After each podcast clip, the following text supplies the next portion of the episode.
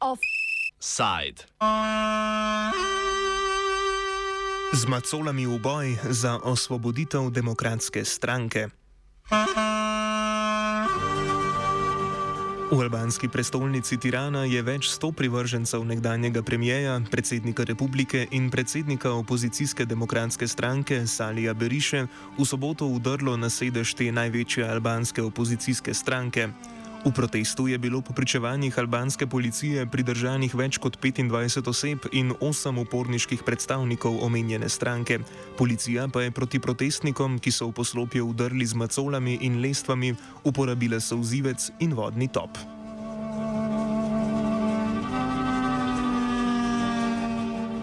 Protestniki pod vodstvom Beriše so zahtevali odstop trenutnega strankarskega predsednika Lulzima Baše, ki je septembra izključil Berišo iz stranke. Vzrok za Baševo odločitev je bila obtožba ameriškega ministrstva za zunanje zadeve Antonija Blinkna o Beriševi upletenosti v korupcijo in protipravno prilastitev državnih sredstev med letoma 2005 in 2013, ko je dva mandata vodil albansko vlado. Beriša je bil maja po Blinknovi obtožbi razglašen za persono non grata, s čimer mu je prepovedan vstop v Združene države Amerike.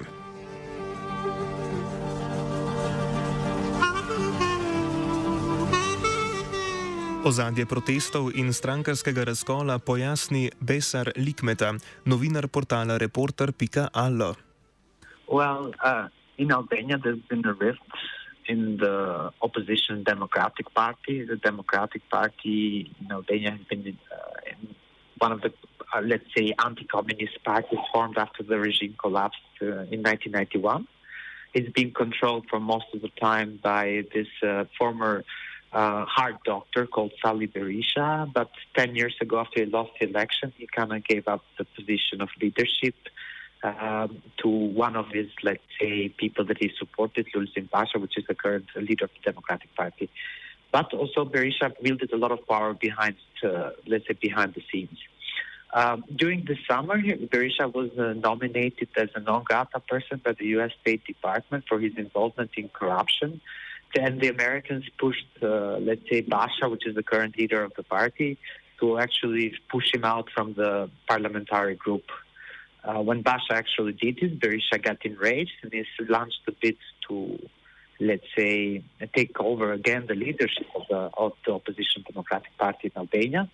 They held uh, different, uh, let's say, assemblies when they were voted as uh, as leaders. They don't recognize each other.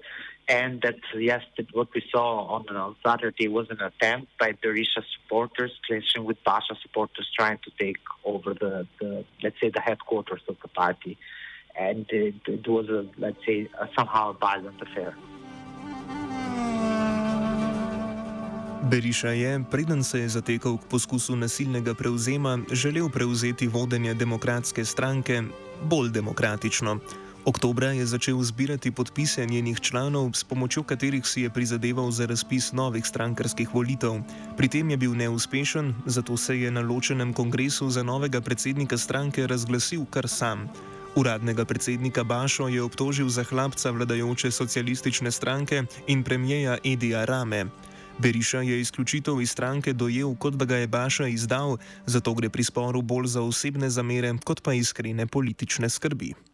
Well, it's a conflictual uh, relationship. It's not that uh, Prime Minister Ed Rama is in cahoots with the opposition as Berisha likes to play it. I think this is mostly an internal power struggle between Berisha and Basha. Basha was a made man. He was always supported by Berisha in the last ele- elections inside the party. So he was the anointed of, uh, let's say, heir to, to, to the throne of the Democratic Party in Albania. And to Berisha, in a very medieval way, way it feels like a betrayal for him being pushed out of the parliamentary group. That's the same person that he supported. So he feels that he's been stabbed in the back. The problem is that the way he wants to, to resolve things through violence is not something we should see in the 21st century. It's something mostly that should be some let's say, in the way people resolve things in, in, in Albania, but also in the region back in the old days. So it just doesn't look good for them. And I think most Albanians are disgusted with what they've seen over the weekend. Sogovornik napoveduje Albaniji, ki je po prisotnosti korupcije na samem vrhu držav Zahodnega Balkana zaradi oslabitve največje opozicijske stranke krhanja demokratične ureditve in s tem svoje vrsten poraz dolgoletnih prizadevanj, da bi se ta vzpostavila. Unfortunately, the, the, because of this duality between Basha and Berisha and uh, the inability of this party to form to the challenges of the country, to evolve after they lost the elections in 2013, their their representations of the people's concern is becoming smaller and smaller, and they've been, they've been losing, let's say, electorate. The fear is now that uh, the the ruling socialist party will become ever more powerful, and the opposition, because of this power struggle and because of their lack of representation of, let's say, the voters' concern and the only self-centered concern to actually who controls the party will become even more weaker. And uh, Albania, and most, like in most democracies, we need a strong opposition to face to also many challenges that the ruling party poses. So uh, this is, doesn't look good for Albanian democracy, but it's a it's a it's a schism of the whole Albanian elite in a sense. When we're talking about one of the most corrupt countries in the Balkans, when there's been political stagnation for a long time, and they did tend to be uh, centered in his own self-interest and uh, not represent the voters as it should. Pomemben vpliv na notranjo dinamiko demokratske stranke so imele Združene države Amerike, s katerimi ima Albanija tradicionalno prijateljski odnos, ko so razglasile, da je Beriša na njihovem ozemlju nezaželen. Ameriška veleposlanica v Tirani, Juri Kim, je po sobotnem protestu pozvala k umiritvi razmer, ki pa se po izjavah Blinknovega namestnika Gabriela Escobarja sodeč ne morejo stabilizirati, če je Beriša na čelu demokratske stranke. Escobar je namreč med vrsticami večkrat posvaril pred posledicami, če bi bil sogovornik največje albanske opozicijske stranke uradnemu v Washingtonu persona non grata.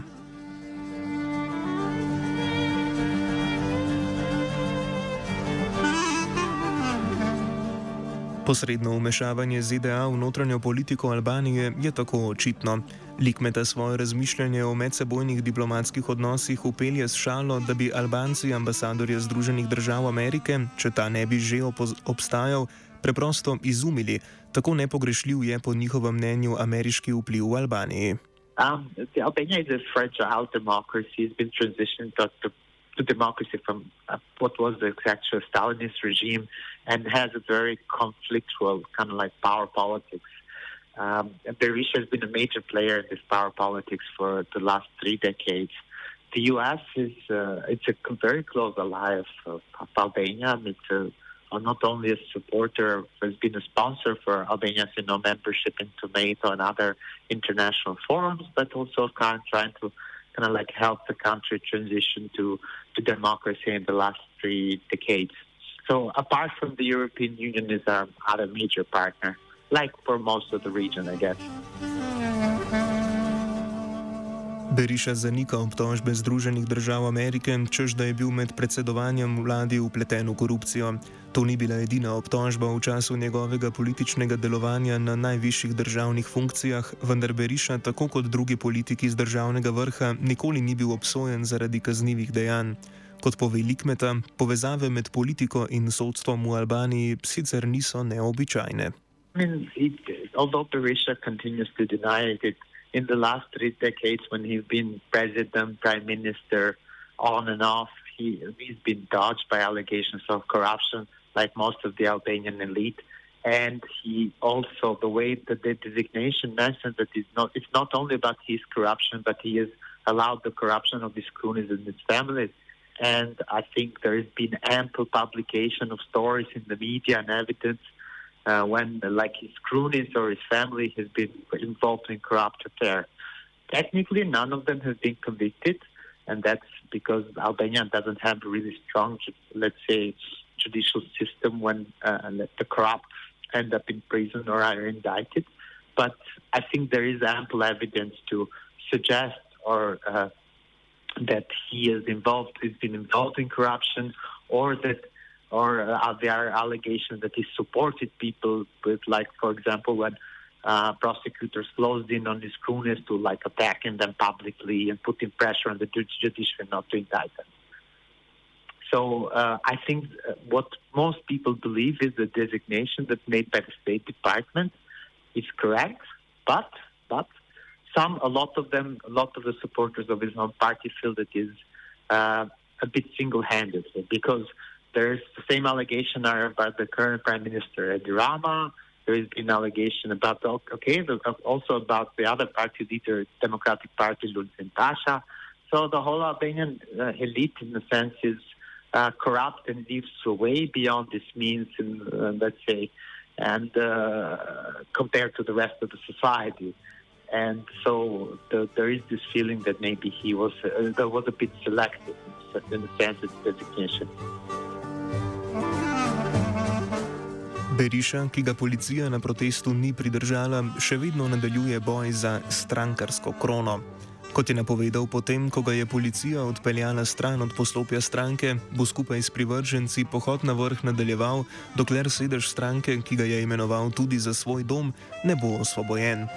Vprašanje pa je, ali je po sobotnem protestu ta osvoboditev sploh še realna. Offside je pripravila vajenka Magdalena, pomagala je Aida.